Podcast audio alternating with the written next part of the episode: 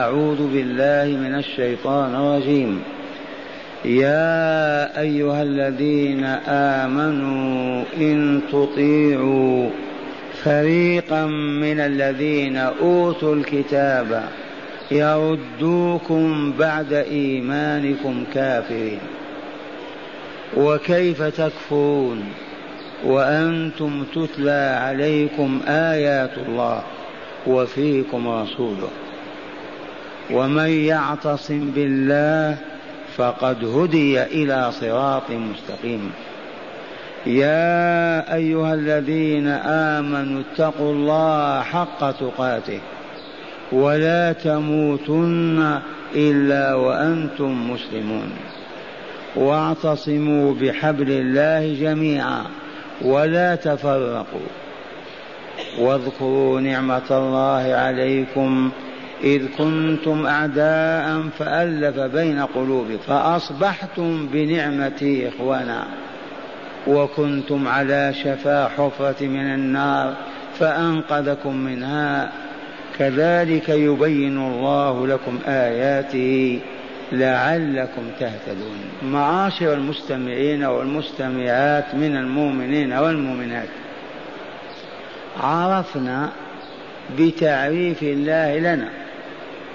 أن الذي يطيع فريقا من اليهود والنصارى والمشركين والكافرين لكن الآية خصت أهل الكتاب اليهود والنصارى.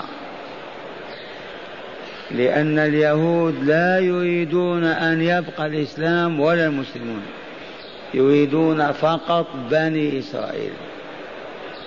والنصارى لا يريدون أن يغمرهم نور الإسلام.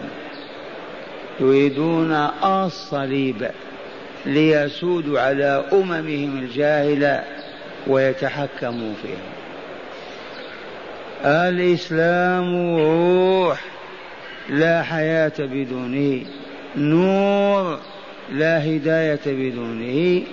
عرف اليهود والنصارى هذا. معرفة يقينية تذكرون هذا أبنائي وإلا لا؟ ما قررنا على علم أن القرآن روح ولا حياة بدون روح وأن القرآن نور ولا هداية بدون نور. لما عرف أعداء الإسلام هذا صرفوا أمة الإسلام عن القرآن. ففقدت الروح فماتت. وعن النور القرآني فضلت وما اهتدت وقد علمتم ولا إخالكم تنسون هذا أن القرآن حولوه إلى الموتى. لا يجتمع اثنان تحت ظل شجرة أو جدار أو ساوية في مسجد أو على حصير في بيت ويقول أحدهما للآخر اقرأ علي شيئا من القرآن. أبدا. وإنما إذا مات أحدنا يؤتى بطلبة القرآن يقرؤون عليه. ثلاث ليال سبع ليال أربعين ليلة بحسب غناه وفقره. لا أقل ولا أكثر فلما أخذوا القرآن وحولوا على الموتى ماتت أمة الإسلام. وظلت. ومن ثم أمكنهم أن يسودونا ويحكمونا ويتحكموا فينا. من أندونيسيا التي حكمتها بلجيكا إلى موريتانيا والمغرب حكمتهم فرنسا. والشرق الأوسط بكامله بريطانيا وممالك الهند. كيف حكمونا؟ كيف سادوا علينا؟ كيف ساقونا سوق البهائم؟ لأنهم أماتون أولا. أخذوا الروح. القرآن. ما عرفوا أين يضعونه. تعهد الله بحفظه. حاولوا أن ينتزعوا من القرآن كلمة قل فقط. مؤتمرات عقدت سرية ما استطاعوا. إذا ماذا يصنعون به؟ حولوه إلى الموتى. وما زال المسلمون إلى الآن يقرؤون القرآن على الموتى. حتى إن بغيا زانية في دار البغاء يؤتى لها إذا ماتت بأهل القرآن يقرؤون عليها في بيتها.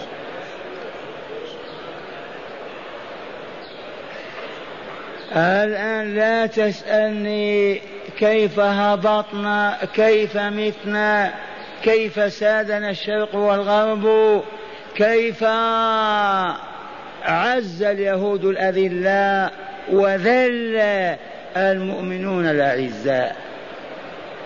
تطلب دليلا؟ الآن علمتم. ولن يرد هذا أحد على الأرض قال تعالى وكذلك أوحينا إليك روحا من أمرنا. أيسميه الله روحا وهو ما هو بروح؟ ممكن؟ مستحيل. أيكذب الله؟ لما ما قال وكذلك أوحينا إليك قرآنا؟ قال روحا. ليعلم البشرية أنه لا حياة بدون القرآن. ومن حي بدون حي حياة البهائم. يأكل ويشرب وينكح. وكل آماله في ذلك لا تخرج عنه. آمنوا بالله ورسوله والنور الذي أنزلنا. أي نور أنزله الله؟ والله إنه للقرآن القرآن نور؟ إيه نعم.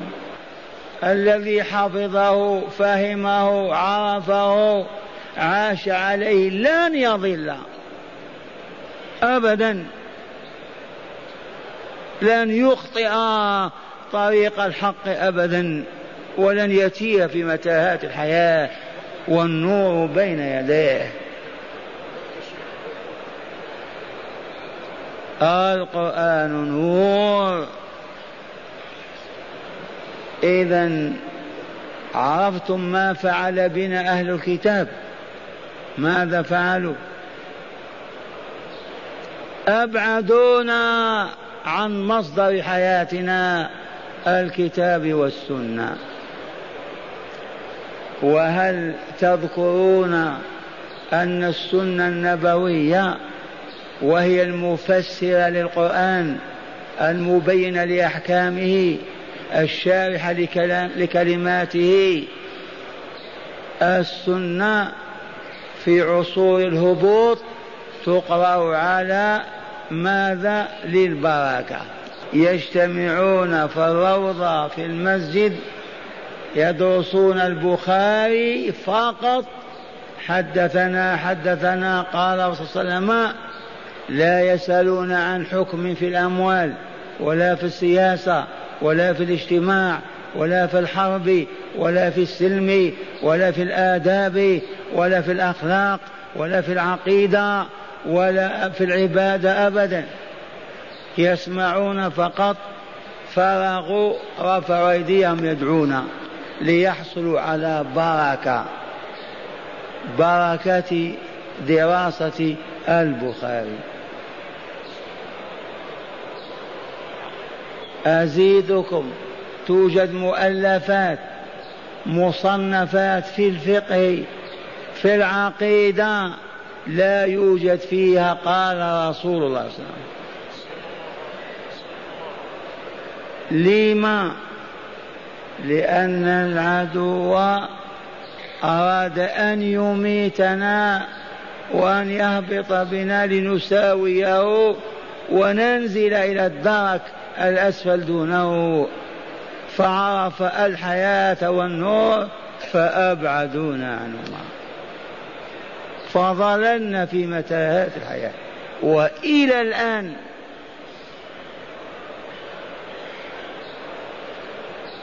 يا أيها الذين آمنوا إن تطيعوا فريقا من الذين أوتوا الكتاب يردوكم بعد إيمانكم كافرين.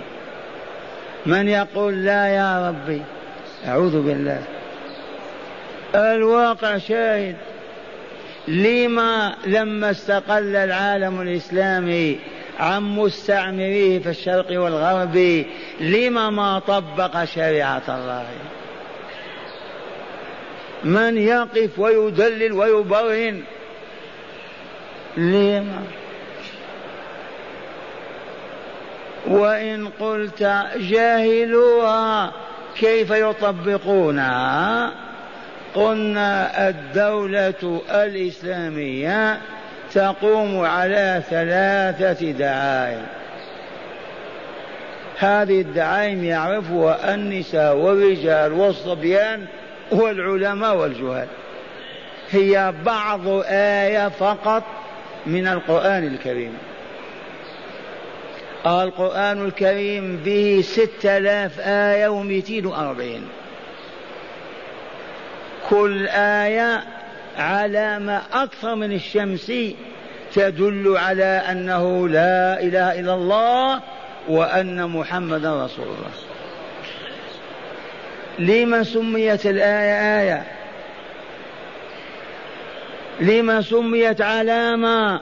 لا فرق بين آية وعلامة. لتدل على أنه لا إله إلا الله. وأن محمدا رسول الله. ستة آلاف ومئتين وأربعين آية. من بينها بعض آية.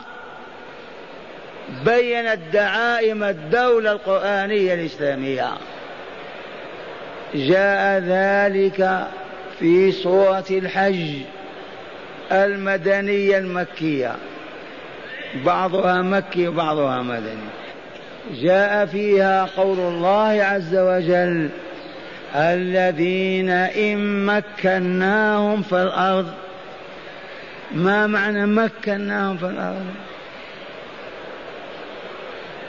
ما تفهمون معنى مكناهم في الأرض؟ سودهم حكمهم أصبحوا حاكمين سائدين. الله الذي مكن لهم. الذين إن مكنا لهم في الأرض ماذا فعلوا؟ آه. الذي عاصرناه مع آبائكم أيام استقلالاتكم. إذا تم الاستقلال ماذا نصنع؟ حفلات الاختلاط والخمر والكذب الصياح حفلات الاستقلال. أنتم لا تعرفون لأنكم أحداث لكن كبار السن يعرفون. حفلات الرقص. والله يقول الذين إن مكناهم في الأرض أقاموا الصلاة. وآتوا الزكاة وأمروا بالمعروف ونهوا عن المنكر ولله عاقبة الأمور. الزمام بيد الله. أيما إقليم يستقل تتكون فيه دولة إن لم تقم هذه الدولة على هذه القواعد الثلاثة والله ما سعد أهلها ولا طابت حياتهم ولا كملوا ويسلبها الله في يوم ما من الأيام.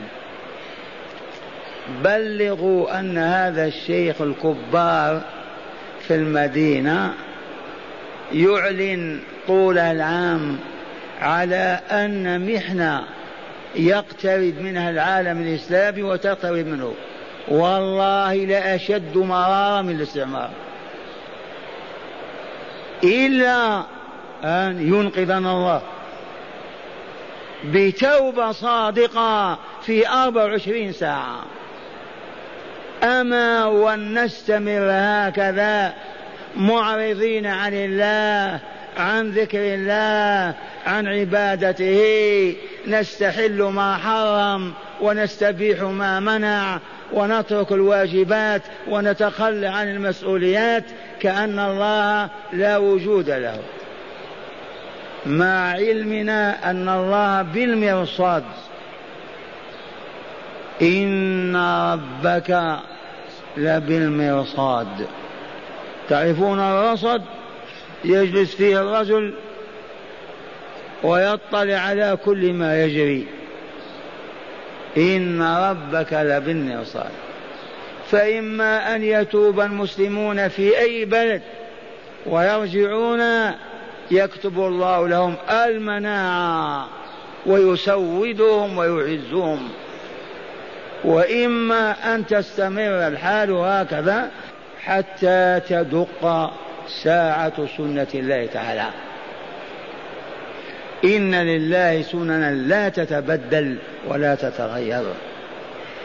ليس بأمانيكم ولا أماني أهل الكتاب من يعمل سوءا يجزى به ولا يجد له من دون الله وليا ولا نصيرا. ما المانع أن نعود ونحن قادرون على العودة؟ يصدر قرار حكومي جمهوري ملكي سلطاني داعي أنه لا يتخلف عن الصلاة جندي عسكري ولا مدني حر. إذا دقت الساعة وأذن المؤذن تقف الحياة كلها وتقبل الأمة على ربها. لهذا خلقت. فإذا قضيت الصلاة انتشر المؤمنون في الأرض ينتجون ويوجدون ويصنعون. والله لو قيمت الصلاة بهذه الطريقة لاختفى الظلم والفسق والفجور والكذب والخيانة والشر والفساد تلقائيا. ولنقرأ لذلك قول الله تعالى اتل ما أوحي إليك من الكتاب وأقم الصلاة. وكأن سائل يقول لما؟ ما فائدة إقامة الصلاة؟ فكان الجواب بالعلة إن الصلاة تنهى عن الفحشاء والمنكر. الصلاة إذا أقامها العبد أو الآمة من شأنها من خواصها أنها تمنعه من أن يأتي الفواحش أو يرتكب المناكر نحلف لكم بالله. عندنا مثل نكرره.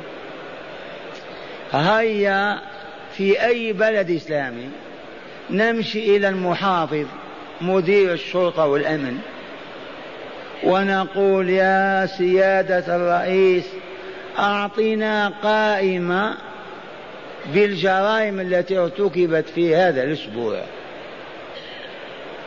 هذا زنى وهذا سرق وهذا ضرب أمه وهذا لعن أباه وترفع القضية قطعا للشرطة. أعطنا قائمة بالجرائم التي ارتكبت هذا الشهر أو الأسبوع. مدونة عندهم وإن لا؟ هات القائمة تفضل. أنا أقول لكم والله لن تجد نسبة أكثر من خمسة في المئة من أصحاب الجرائم من مقيم الصلاة وخمسة وتسعين من تارك الصلاة ومن المصلين الذين ما أقاموا الصلاة. هذا الكلام كررته أربعين سنة وزيادة. فيه من نقضه؟ ذهب إلى مدير الشرطة وقال أعطينا قائمة بالمجرمين هذا الأسبوع ووجد أكثر من خمسة في المئة من مقيم الصلاة. لأن سنة الله لا تتخلف الطعام يشبع وإلا لا الماء يروي العطشان وإلا لا الحديد يقطع وإلا لا النار تحرق وإلا لا الجواب نعم نعم. وإقام الصلاة سنة من سنة. لن تتخلف المقيم للصلاة لا يأتي الفواحش ولا يرتكب المنكر. وإن سألت عن العلة سؤال فلسفة. إقام الصلاة عملية توليد الطاقة. عملية لتوليد النور. كمولدات الكهرباء. إذا أديت أداء صحيحا في أوقاتها المحددة بشروطها وأركانها لن تتخلف عن إنتاجها. فتنتج النور يغمر قلب الإنسان ويظهر على سمعه على بصره على لسانه على جوارحه. يظهر ظهورا ذاك النور. والذي ما صلى من أين يأتيه النور حتى يعرف قبح الجريمة وسوء المنكر؟ والذي صلى وما أقامه وما أحسنه ما ولدت؟ الفاقي يقول صلاتك باطلة. مثلا صلى أحدنا المغرب ركعتين فقط. هل يقول له فقيه صلاتك صحيحة؟ أه؟ يقول أعد صلاتك صلاتك باطلة. قال أنا أصلي أربع. أنا في صحة أو عافية لما ما نزيد ركعة؟ فصلى المغرب أربع ركعات تفضلا منه. هل تجد فقيها يقول صلاتك صحيحة؟ ها؟ والله ما كان. باطلة الفقيه يقول باطلة ونحن نقول الليلة ماذا؟ يا سامعية ماذا نقول؟ ما أنتجت النور المطلوب منها. عملية فاسدة. ما ولدت الحسنات. فيبقى القلب في ظلمة. وتنتشر الظلمة ودخنه على جوارحه فيسمع الباطل ويرضى به ينظر إلى الحرام ويتلذذ به ينطق بالسوء ويجد له لذة وراحة. يمشي على قدمه الباطل ولا يتعجب لأنه فاقد للنور.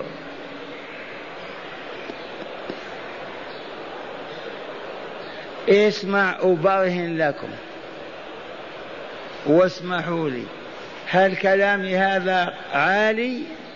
كلام عامي بس ما تريدون أن تفهموا. هو هو. اسمع. حديث البخاري وهو حديث قدسي أي من كلام الله أوحاه إلى رسول الله خارجا عن القرآن. ما هو في القرآن؟ كلام الله القرآن والحديث القدسي الذي يأتي به جبريل إلى رسول الله أو يلقي الله في روع رسول الله فيفهم عن الله. هذا الحديث القدسي. إليكم نصه. يقول النبي صلى الله عليه وسلم يقول الله تعالى من عادى لي وليا فقد آذنته بالحرب. يا ويحا من يسرق أموال المؤمنين من يفجر بنسائهم من يسفك دماءهم من يأكل لحومهم من يحتقرهم ويزدريهم أو يهينهم ويذلهم على شرط أن يكونوا أولياء الله. أما إذا كانوا أعداء الله افعل. لا حماية لا مناعة. هذه المناعة لأولياء الله. صحيح يا شيخ هذا؟ إي نعم. الدليل أن قومك في بلادك لا يذكرون وليا بسوء ابدا. ابدا. ولا يستهينون به ولا بضريحه ولا بقبره ولي. مع العلم أنه قد يكون ليس بولي لكن استقر في أذهان المؤمنين على أن أولياء الله هم الذين ماتوا وضربت عليهم القباب ووضعت عليهم التوابيت ووضع عليها الحصور الأزور الحريرية. وأوقدت الشموع. الآن لا ندي في شموع لا كهرباء. كنا نعرف الشمعة. ليلة الاثنين ليلة الخميس الجمعة توقد على قبر السيد. كان يبيت يقرأ على الشمعة. أم هابطة ميت تجعل له شمعة في قبره. ماذا يصنع؟ لا إله إلا الله. كالذي يضع له قصعة من الثريد. يأكل هو. مثل الذي يقرأ عليه حزب حزبين من القرآن. يقوم يتفكر فيها. يتدبرها. لا إله إلا وصلنا هكذا. إي والله. من فعل بنا هذا؟ اجيبوا الثالوث الأسود. المكون. من اليهود والمجوس والنصارى. اسألوا إذاعة بريطانيا عن هذا. الثالوث الذي عزم على أن يطفئ نور الله لأن هذا النور أضاء الدنيا وهم يحبون الظلام ليعيشوا فيه. ما يريدون الحق ولا العدل ولا الطهر ولا الصفا ولا الكمال. من عادى لي وليا فقد آذنته بالحرب أي أعلنت الحرب عليه. أسألكم بالله الذي يحارب الله ينتصر على الله؟ انكسر وانهزم وتمزق. وإن آذيت أولياء الله طال الزمان وقصر والله لتتحطمن الحرب معلنة إلا أن تتوب. وهذا مشاهد بالعيون. من عادى لي وليا فقد آذنته بالحرب. وما تقرب إلي عبدي بشيء أحب إلي مما افترضت عليه. فتح لكم الباب أيها الطلاب لتدخلوا إلى قصر الولاية فتتخرج منها أولياء أفضل من عبد القادر وسيدي أحمد. اسمع. وما تقرب إلي عبدي بشيء. ما ما تقرب إليه ليتزلف يتملق حتى يحبه سيده. العوام يعرفون هذا فيما بينهم. ثبات يريد أن يحصل على شيء من عندك يأتي إليك يصلح نعلك يتقرب يشكرك أنت سيد أنت كذا سمعنا عنك كذا وكذا حتى يستميلك كذا ولا لا؟ ولكن ما يعرفون التملق إلى الله. قل لي يا شيخ علماكم ما عرفوا حتى العوام يعرفونها التزلف إلى الله والتملق ولو بذكره. وما تقارب إلي عبدي بشيء أحب إلي مما افترضت عليه. لا أفضل من الفرائض أبدا. يا من يريد أن يتملق إلى الله ليحبه ويواليه. الفرائض. أعظم من نوافل بسبعين مرة. والغافلون يستهينون بالفريضة ويعبثون بها ويتقربون ليلة كاملة بالنوافل. ما تنفع. الفرائض. اعلمها اعلمها اعرفها اعرف كيف تؤديها اعرف أوقاتها شروطها وتقرب بها إلى الله. فإنك ما تقربت بشيء أفضل منها. وما تقرب إلي عبدي بشيء أحب إلي مما افترضت عليه. وما يزال عبدي يتقرب إلي بالنوافل حتى أحبه. تأملوا إيماء الله وعبيد الله. وما يزال عبدي يتقرب إلي بالنوافل بعد أداء الفرائض إلى متى حتى أحبه. فإذا أحبك الله نم فالمخاوف أمان. إذا أحبك عصمك لا يرضى أن تتلوث ولو بكلمة سوء. فإن الله طيب لا يقبل إلا الطيبين. إذا قربك وأدناك وأصبحت وليه حفظك من التلوث ابدا لن تتلوث. اذا وما يزال عبدي يتقرب إلي بالنوافل حتى أحبه كم سنة؟ كم شهر؟ ما يزال يتقرب يوما بعد يوم شهرا بعد آخر عام بعد عام حتى أحبه. نضرب المثل بالمعتاد. ما بينا لكم في السابق أن ولاية الله أهلها يتفاوتون وإلا لا؟ كل الحاضرين أولياء الله لكن مستواهم واحد؟ وقلنا أصحاب رسول الله رضي الله عنه مستواهم واحد أبو بكر أفضلهم. كذا ولا لا؟ لكن الولاية ولاية. آمن واتقى فهو ولي الله. وضربنا مثلا بالجيش. عسكري ملازم ملازم أول. عريف كذا عقيد كذا إلى عشر أو عشرين جنرال. عرفتم هذه ولا لا؟ فهل في الإمكان أنك من أول أسبوع تدخل الجيش تصبح جنرال؟ ممكن؟ إلا أن يشاء الله يهيئك تهيئة خاصة في أمر ما فلهذا قال تعالى وما يزال عبدي يتقرب إلي يوما بعد يوم حتى أحبه.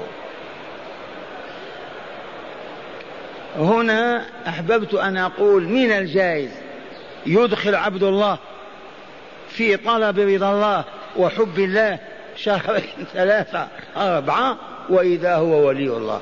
أحبه الله. وقد يعمل في هذا الشأن عشرين سنة حتى يظفر. وذلك لقصوره ولعدم أداء هذه العبادة على وجهها.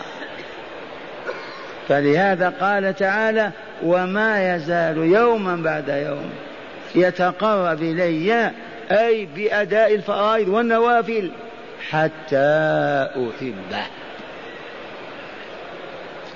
وهنا معاشر المستمعين والمستمعات من منكم يرغب أن يعرف هل أحبه الله وإلا لا؟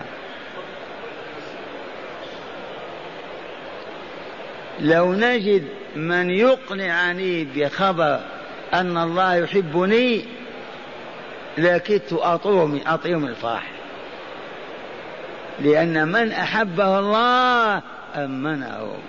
حاشا لله أن يعذب أولياء أيها المتسابقون أيها المتنافسون هل منكم من عرف أنه أحب وإلا لا؟ من يرغب أن يعرف؟ قولوا كلنا. أو ما أنتم في حاجة إلى هذا؟ أعوذ بالله. اسمع كلامه تعالى. يبين لنا الطريق ونعرف. يقول تعالى فإذا أحببته كنت سمعه الذي يسمع به. إذا وجدت نفسك يا بني أو يا أخي لا تستطيع أن تسمع ما يغضب الله. وترتاح وتسعد لسماع ما يحب الله.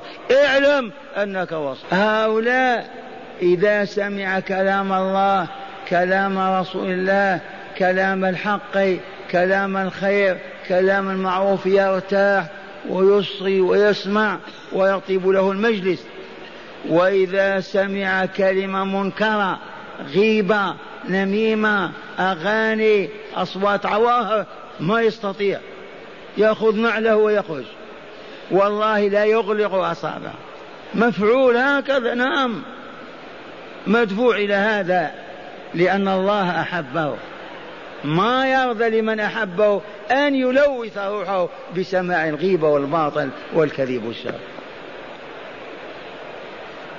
تسلمون بهذه الحقيقة؟ إي والله كما علمتم. وكنت بصره الذي يبصر به يستطيع أخوك الولي أن ينظر إلى المؤمن ويرتاح إلى نظره ينظر إلى أمه إلى زوجته إلى اولاده إلى اقاربه ويسعد بالنظر إليهم. ولا يستطيع أن ينظر إلى امرأة لا تحل له. يشعر كأن اللهب في وجهه. ما يشعر إلا وقد طأطأ رأسه وأغمض عينيه. من فعل به هذا؟ لأن الله أحبه. لا يتركه يتلوث ويتلطخ بالآثام والجرائم وهو حبيب الله. يحفظه. وجرب تجد إذا وجدتك لا تقوى على أن تسمع الباطل. ولا أن تنظر إلى الحرام. اعلم أنك قبلت من يوم ما أصبحت هكذا. وكنت لسانه الذي ينطق به. ملك الله سمعك فلا يسخر إلا في رضاه. ملك بصرك لا يسخر إلا في رضاه. ملك لسانك لا تستطيع أن تنطق إلا بما يحب. فتجلس مع أخيك ولي الله عام عامين ما تسمع كلمة سوء. أبدا. ما ينطق بها. من عصمه من حفظه الله. لأنه تقرب إليه حتى قبله ورضي عنه وأحبه. فهنا يحفظه حتى لا يتلوث. وإن زلت القدم ووقع الشيطان عليه ووضع عصابة سوداء على عينيه وارتكب يوما ذنب من الذنوب فإنه يلهم على الفور أن يستغفر الله ويندم ويتألم ويحزن حتى يزول ذلك الأثر وتبقى الولاية ثابتة. وكنت لسانه الذي ينطق به وإلا لا؟ أيملك الله لسانك وينطق بما يغضبه؟ حاشا لله. وكنت يده التي يبطش بها. الأبطال يختطفون الفارس من على صهوة جواده على الأرض. وإلا لا يأخذ القنطار ويرفعه. والله ما يستطيع أن يتناول بيده كأس خمر. لا يستطيع أن, يتن... أن يمس بيده أو يلطم وجه مؤمن. لأن يده ملكها الله. لا يستخدمها إلا فيما يرضيه ويحبه. عرفتم هذا؟ وكنت يده التي يبطش بها. فإذا ملك يدك سخرها فيما يحب لا فيما يسخط. وكنت رجله التي يمشي بها. عرفنا أيام كنا مع العوام. يعجز الرجل أن يمشي مئة خطوة إلى المسجد ويصلي في بيته ويعلن عن حفل غنى ورقص عرس وليمة يمشي عشر كيلو. أو عشرين كيلو. فانظر العجب. لأن الله ما ملك رجله ملكها الشيطان. يدفعه إلى حيث يغضب الله جل جلاله. يمنعه حيث يرضى الله جل جلاله. عرفتم ملك رجله لا يسخرها إلا فيما يرضيه. وأخيرا يقول ولئن سألني لأعطينه. ولئن استعاذني أي طلب الحفظ لأحفظنه. ولئن استنصرني لأنصرنه. وأعظم من ذاك وذا وما ترددت عن شيء أنا فاعله. ترددي في قبض عبد المؤمن يكره الموت وأكره مساءته. لا إله إلا الله. أبشروا يا أولياء الله. يعلم أن وليه يكره الموت. وإلا لا وهو لا يريد أن يؤذي وليه ولكن لا بد من الموت. وما ترددت عن شيء أنا فاعله.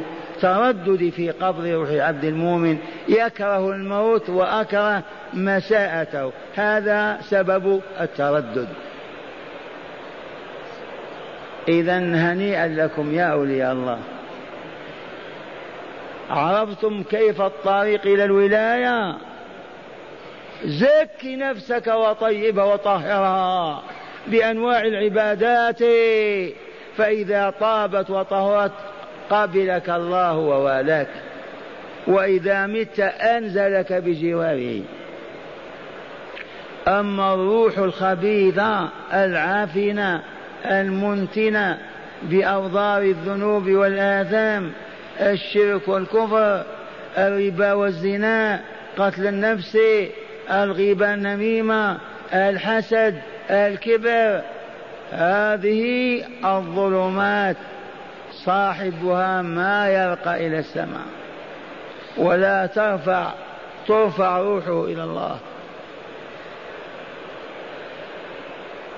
ما الدليل على ما تقول يا شيخ؟ عندنا آية ما ننساها. قد أفلح من زكاها. وقد خاب من دساها هذا حكم الله صادر علينا في من يعقب على الله يبطل حكمه. أما قال من سورة الرعد والله يحكم لا معقب لحكمه. أيما قاضي يصدر قضاء حكم قد يعقب عليه قد يخطئ أو يجهل أو ينسى. أما الله من يعقب الله. قد أفلح ما معنى أفلح؟ التجار يعرفونه في تجارته في مزرعته فاز نجا من المرهوب وظفر بالمرغوب المحبوب. هذا الحكم اسم أصحاب الأرواح الخبيثة سببها الكفر والتكذيب وعدم العمل بما تطهر عليه النفس. جاء في آية من سورة الأعراف ما ننساها.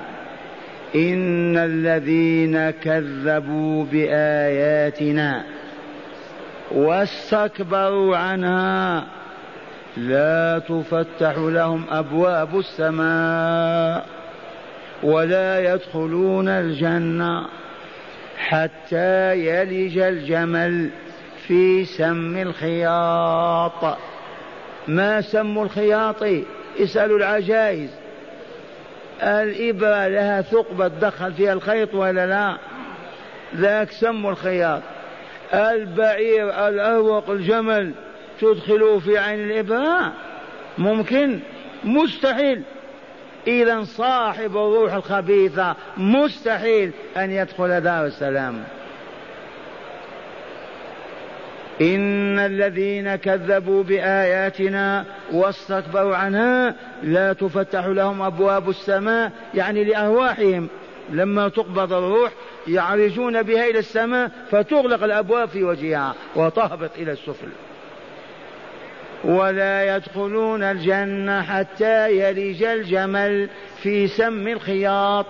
وكذلك نجزي المجرمين.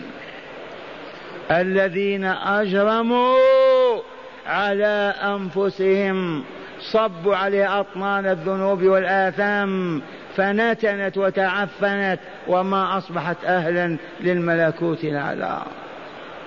وكذلك نجزي المجرمين. لهم من جهنم مهاد فراش ومن فوقهم غواش أغطية. النار فراشهم وغطاهم وكذلك نجزي الظالمين. هذا جزاء الظالمين أيضا. من هم الظالمون؟ الذين ظلموا أنفسهم. كانت طيبة طاهرة وهو صبي غلام.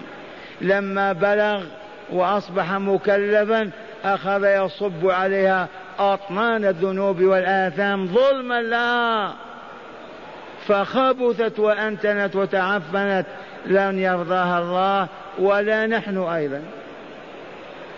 الآن لو يجينا فحل يلبس ثياب ملطخة بالقيوح والدماء والرائحة المنتنة تفسحون له يجلس؟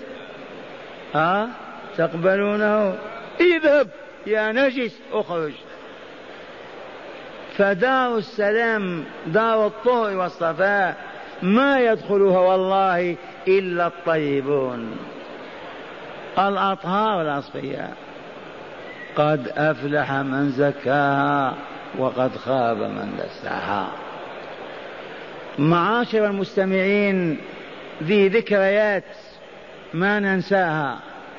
لو قيل لنا كيف نرجع إلى الله؟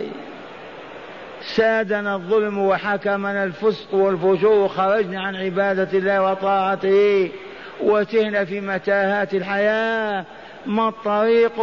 دلونا تقولون هذا وما أنتم في حاجة. اسمعوا. ما زلت أقرر هذا على علم. لن تستطيع عبد الله أن تستقيم على منهج الله إلا إذا عرفت الله وعرفت ما يحب وما يكره وعرفت كيف تتملق إليه وتتزلف بأداء ذلك المحبوب وترك والبعد عن ذلك المبغوض المكروه.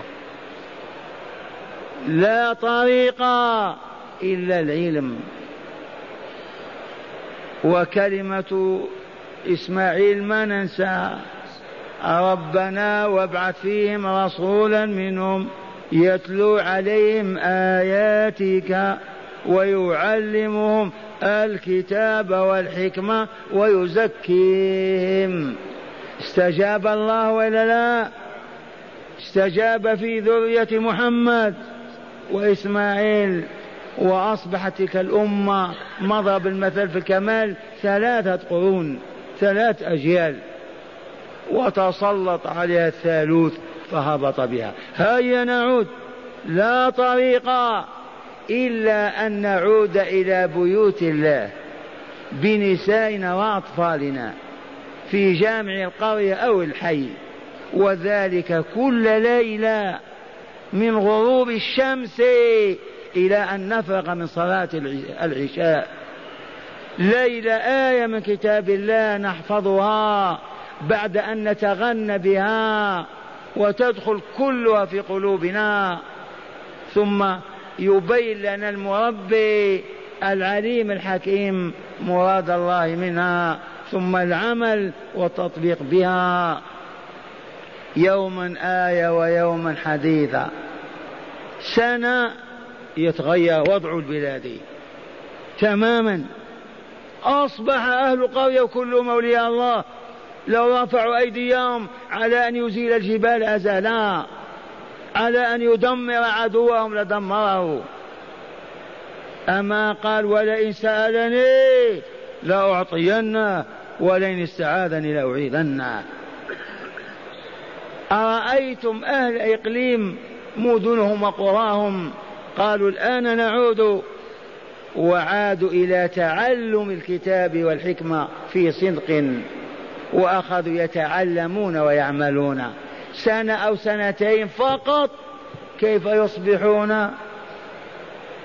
قولوا لي أولياء الله كالملائكة.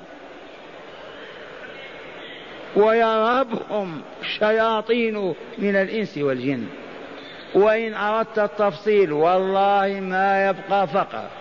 ولا هون ولا دون ولا ذلة ولا مسكنة ولا ظلم ولا خبث ولا شر ولا فساد أبدا. يصبحون فاعلين يبحثون الأرض ويخرجون كنوزا. يزرعون فينبت النبت وبركات السماء بدون ما تكلفوا شيء. فقط قالوا نرجع إلى مجلس رسول الله صلى الله عليه وسلم. نحقق دعوة إسماعيل. يؤذن المغرب تأتي إلى القرية ما تجد رجل ولا مرأة إلا في المسجد. دقت الساعة السادسة في المدينة لا تجد أبدا إلا من هو مهرع إلى بيت الله. يعلمون وإلا لا العلم الحقيقي قال الله قال رسوله ويتدرجون في التطبيق والعمل. مستحيل أن يبقوا فجرة أو فسقة أو مجرمين.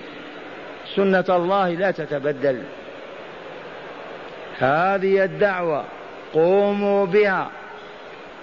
لا تقولوا صحوة ولا ما صحوة خرافات فقط.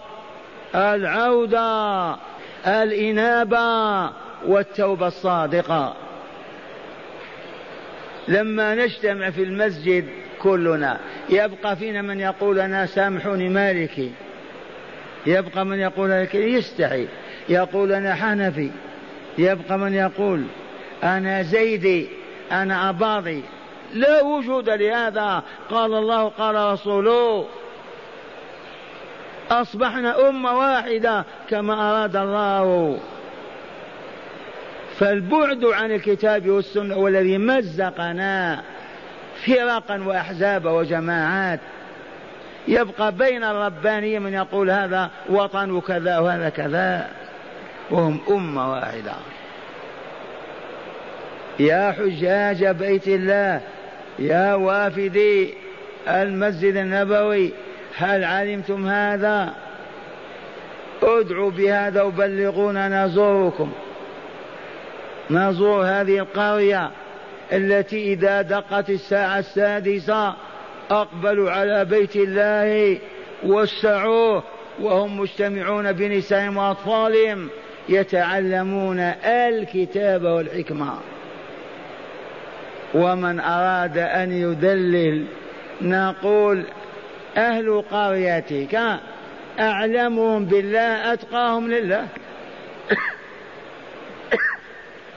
أليس كذلك؟ هل عرفتم علماء ربانين زناه لائطين مرابين خونة والله ما كان. أعلمنا أطهرنا فلا سبيل إلى الطهر والصفاء إلا هذا العلم. فقط لا سبيل إلا هذا. العلم الجاد الصادق. نجلس في بيت ربنا نستمطر رحمته نطلب هداه ومعرفته.